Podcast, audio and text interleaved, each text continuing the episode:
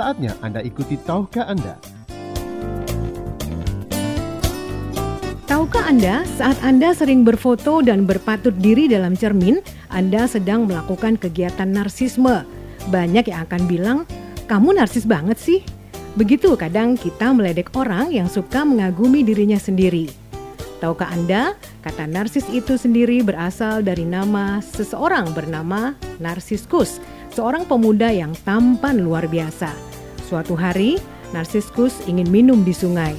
Narsiskus melihat pantulan wajahnya sendiri di air dan dia jatuh cinta pada bayangannya sendiri. Karena takut merusak wajah yang Narsiskus lihat di air, Narsiskus artinya tidak berani minum. Narsiskus kemudian meninggal karena kehausan. Tahukah Anda dipersembahkan 104.7 MNC Trijaya FM Surabaya